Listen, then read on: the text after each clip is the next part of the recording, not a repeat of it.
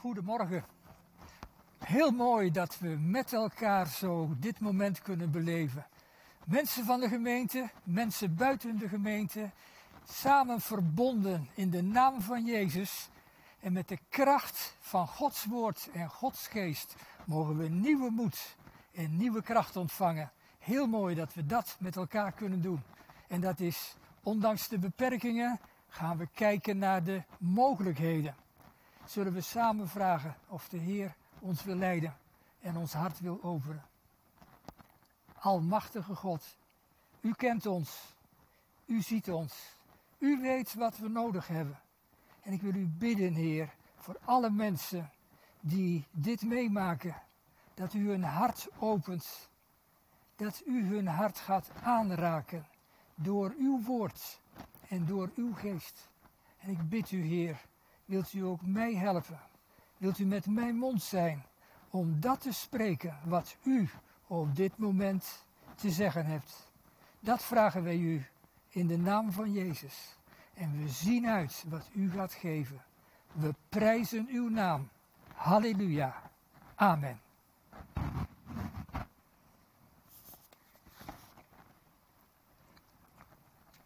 Wat leeft er in jouw hart.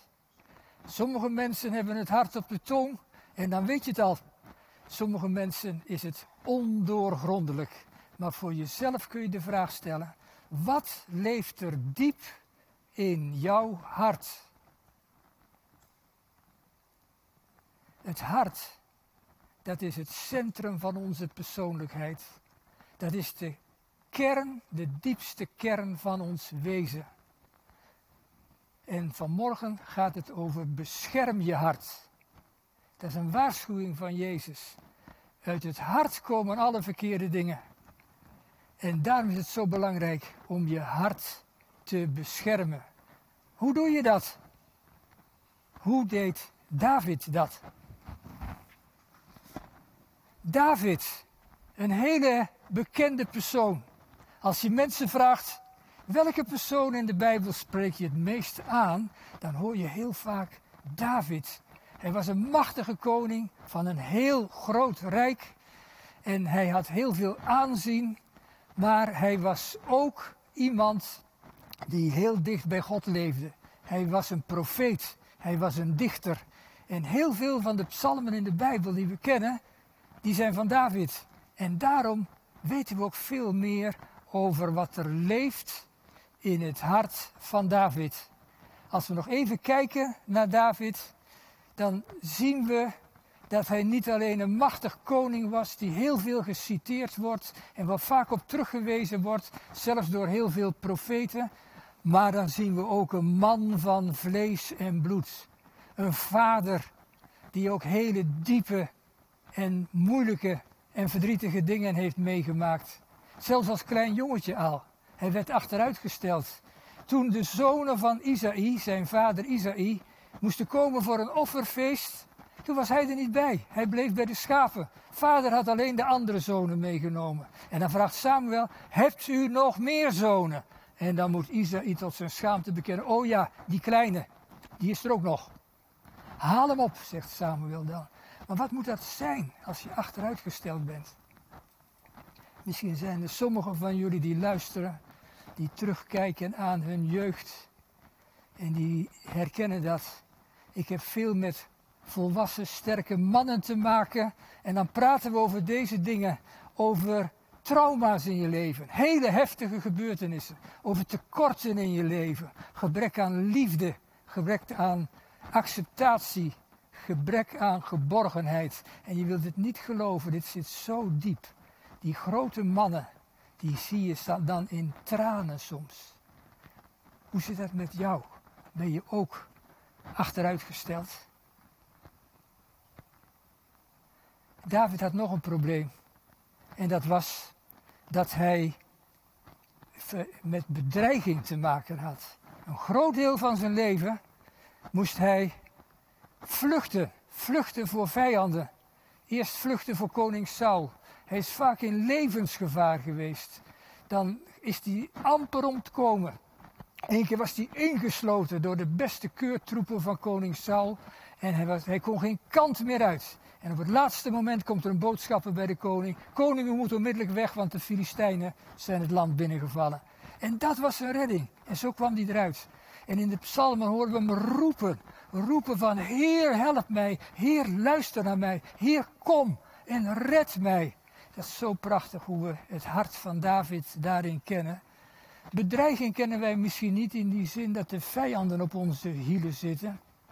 Maar ik ken veel mensen, niet alleen binnen de gemeente, maar daarbuiten ook, die kennen ook bedreiging van hun leven. Vaak wordt hun leven bedreigd door een ernstige ziekte. Straks kom ik er even op terug. Wat doet dat met je? Wat doet dat met de mensen die vlak bij je staan, die om je heen zijn? En hoe ga je daarmee om? En dat is een laatste ding van David wat ik nog wil noemen van zijn bewogen leven. Dat is het grote verdriet wat er in zijn gezin was. In zijn gezin zijn hele erge dingen gebeurd. Het wordt heel open en duidelijk beschreven in de Bijbel. Een van zijn zonen, Amnon, die wordt verliefd op zijn zus. Dat was dan zijn halfzus Tamar. En op een of andere manier gaat hij heel, hele domme dingen doen. Dat zegt die Tamar ook. Hij gaat haar verkrachten. Dit is zo erg binnen dat geheel. Allereerst voor Tamar is dat heel erg. En Absalom, de volle broer van Tamar, die is zo boos daarover. Die laat Amnon ombrengen. Moet je je voorstellen. Eerst die verkrachting. Wat een vreselijk verdriet in je gezin als dat gebeurt. En dan dat een zoon van je omgebracht wordt. Een paar jaar later, ongeveer drie jaar later, gaat Absalom in opstand komen.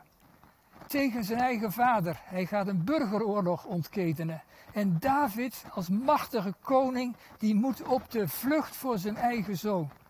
En dan, dan helpt de legerleider hem. En uiteindelijk komt Absalom om. En dan vindt David dat zo erg. Dan loopt hij te huilen, te jammeren door het huis. Absalom, Absalom, mijn zoon, was ik maar in jouw plaats gestorven. Ouders kennen dit. Als je verdriet hebt om je kinderen, zeker als je kinderen ziek zijn. Ik heb heel vaak ouders horen zeggen, oh dit vind ik zo erg. En ik voel me zo machteloos. Ik wou dat ik het van hun over kon nemen. Maar heel veel dingen kunnen we niet overnemen van onze kinderen. En dan zien we, David is een man van vlees en bloed die allemaal dingen kent die voor ons herkenbaar zijn. Maar wat voor ons heel interessant is, wat leeft er in het hart van David bij alles wat hij hier meemaakt? Dat is nog één ding en daar wil ik graag de aandacht op vestigen. Iets wat we van David zien, dat is dat hij een hele diepe, sterke persoonlijkheid met God heeft.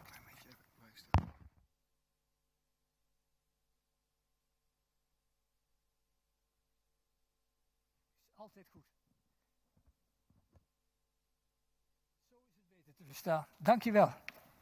We zien van David dat hij een hele diepe persoonlijke relatie met God heeft. Ik ken heel veel mensen binnen de gemeente, maar ook daarbuiten, die dat ook hebben. Die kennen dat. En wat mij opvalt, als ik ze beter ken en met hun praat, vooral over hun geestelijk leven, dan maakt dat het verschil dat maakt het grote verschil in hun leven. En je ziet dat in het bijzonder als het moeilijk wordt. Als mensen met pijn te maken krijgen, met hele moeilijke omstandigheden te maken krijgen, met ziekte te maken krijgen, met verlies te maken krijgen, als de geliefden, als ze daar afstand van moeten doen, dan zie je het grote verschil. Wat mij opvalt, dat is dat deze mensen heel rustig zijn dat ze op God vertrouwen. Het is net of ze bij alles wat er gebeurt zijn vrede nog houden. Het is zo sterk dat mensen in het ziekenhuis, verpleegkundigen en doktoren verbaasd vragen aan zulke mensen. Ik heb daar voorbeelden van.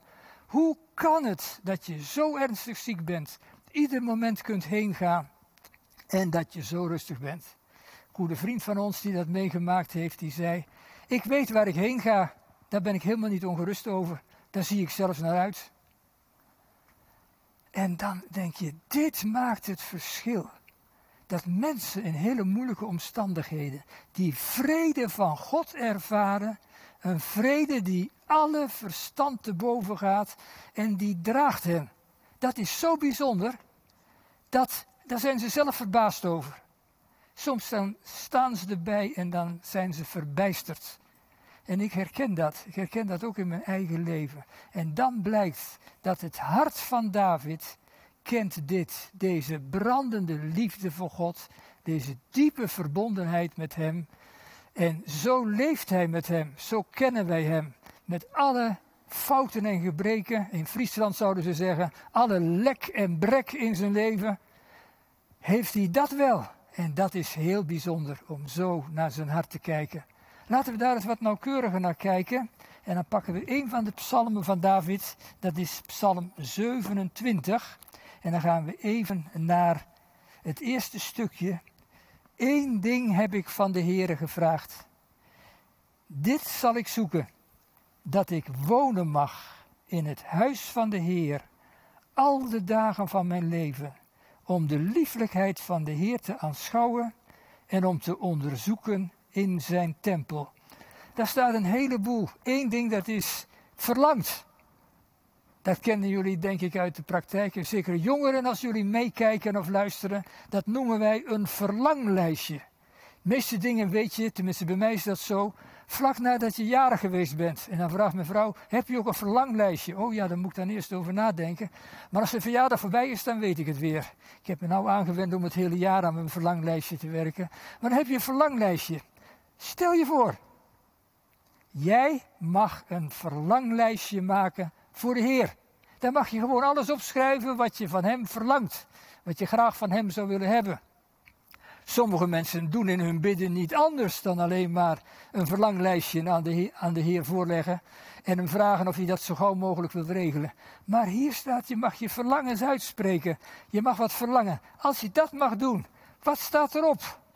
Dat kun je nou niet allemaal bedenken, maar denk daar eens rustig over na. Als ik een verlanglijstje voor de Heer moet indienen, wat zou ik daar opstellen?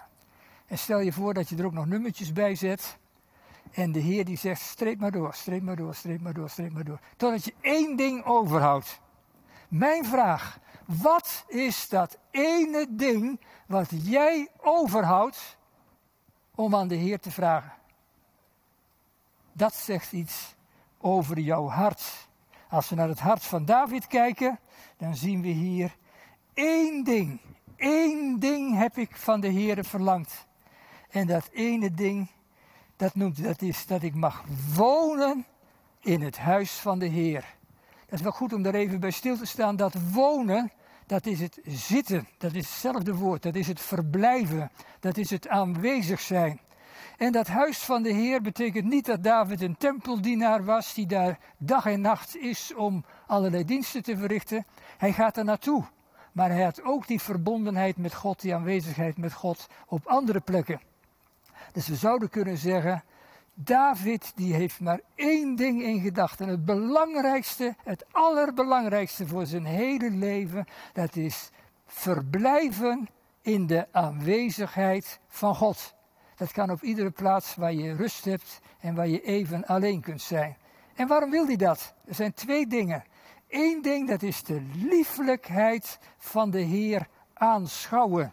Dat woord aanschouwen is een oud woord, maar dat betekent eigenlijk gevoelsmatig, intuïtief, heel diep kennen.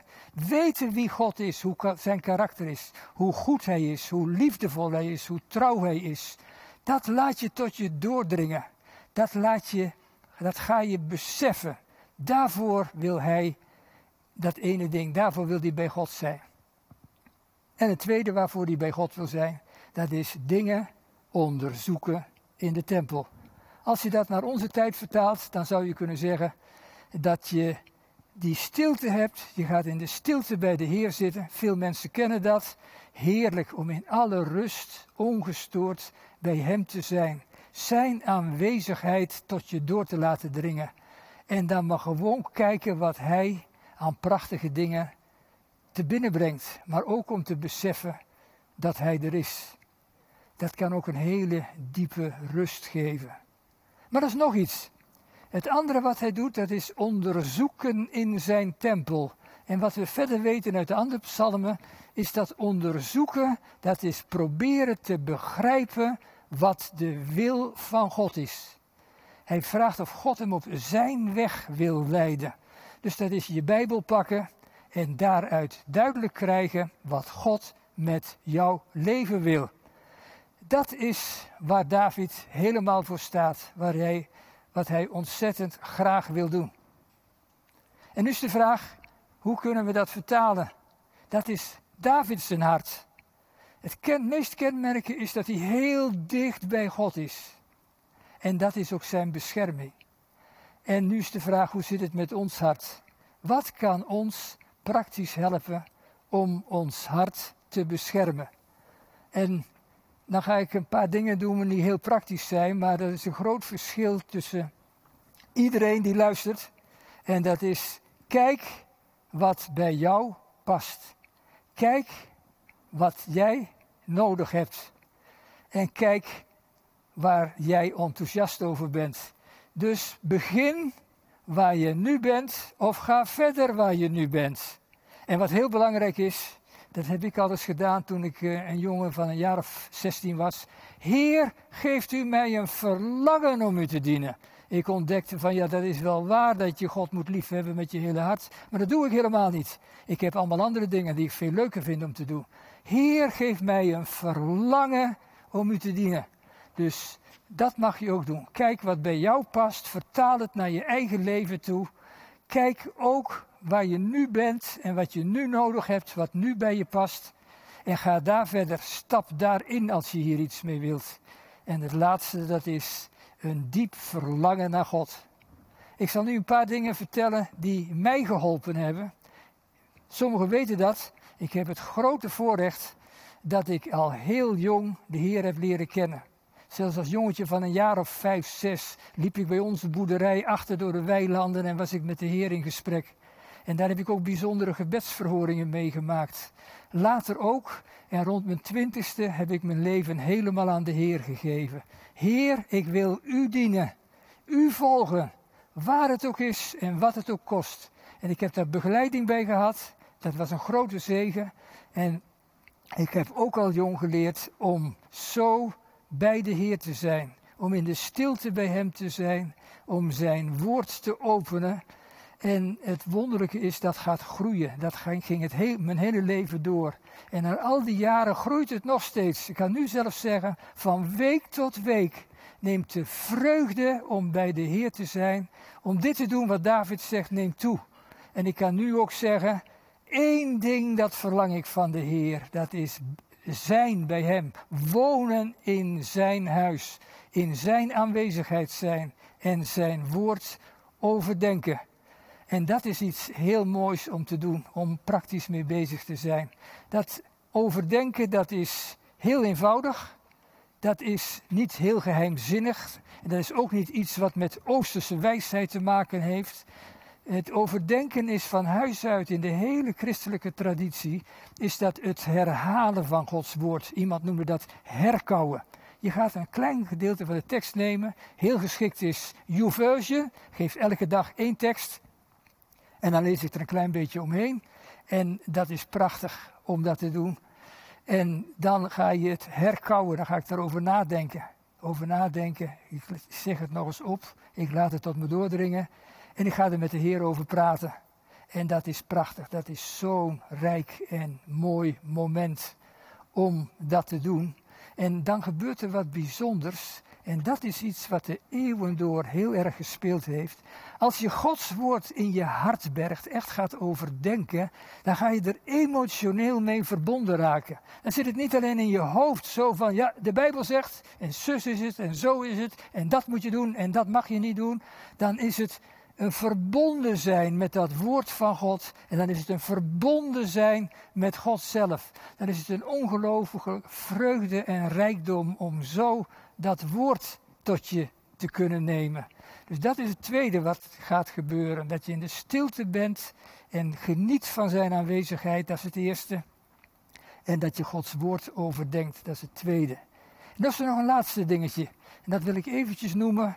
En dat is dat je ritmes in je leven hebt. Er wordt heel veel over gesproken. Ik ken mensen die gaan daar hun tijd aan geven, die gaan zelfs cursussen geven, conferenties organiseren over levens in je, ritmes in je leven. En een ritme betekent een bepaalde hele vaste tijd om iets te doen. En dat helpt. Dat is, dat is ontzettend rijk om dat te doen. Ik zal er een paar noemen. De eerste waar ik mee begin, die hebben jullie alles gehoord. Dat is als ik morgens vroeg wakker word, dan zeg ik: Heer, dit is de dag die u gemaakt hebt. Ik wil juichen en mij daarover verheugen. En het tweede wat ik zeg, dan gaat zeggen de tekst op. Hoor Israël, de Heere is onze God. De Heer is de enige. Heb de Heer lief met heel je hart, met heel je ziel en met alles wat je hebt. En dan pak ik het lied en dan zeg ik, Vader, deze dag geef ik mijzelf aan u. En ik zing, en dan zeg ik dan maar, ik zeg met heel mijn hart, ik hou van u. Dat is het begin. En dan ga ik de andere dingen doen. Mij een beetje verzorgen. En als het nodig is, even koffie drinken. En dan begint het tweede moment. En dat is het moment in de stilte bij de Heer zijn. Ook een vast moment. Voor mij is dat mooi om dat in die volgorde te doen. En dat is geweldig om dan de vreugde en de vrede te ervaren. Dat verlangen om in zijn huis te zijn. Eén ding heb ik van de Heer gevraagd. Dit verlang ik. Dit zoek ik om te wonen in het huis van de Heer, om in Zijn aanwezigheid te zijn, in de stilte. En zo te luisteren naar wat God in mijn gedachten brengt. En het derde stuk, dat doe ik er meestal direct achteraan, dat is het woord overdenken, zoals ik dat net zei. En nu is er pas wat nieuws bijgekomen, en dat is dat ik ook momenten in, in de dag zelf, ga ik om twaalf uur ook even een tijdje met de Heer hebben. En om half zes ook. Dus het is net als wat Daniel deed. En dit blijkt een ongelooflijke invloed te hebben op mijn leven. Eén ding heb ik van de Heer gevraagd. Dit zoek ik. Te verblijven, in te wonen in het huis van de Heer. Om zijn lieflijkheid te aanschouwen en om zijn woord te onderzoeken. De grote kracht van David was zijn diepe persoonlijke relatie met God. En dat is wat het meest ons hart beschermt. Als wij de aansporing krijgen, bescherm je hart boven alles, dan is de aansporing ook, leef heel dicht bij Hem. En Hij zal je helpen om je hart te beschermen. Amen.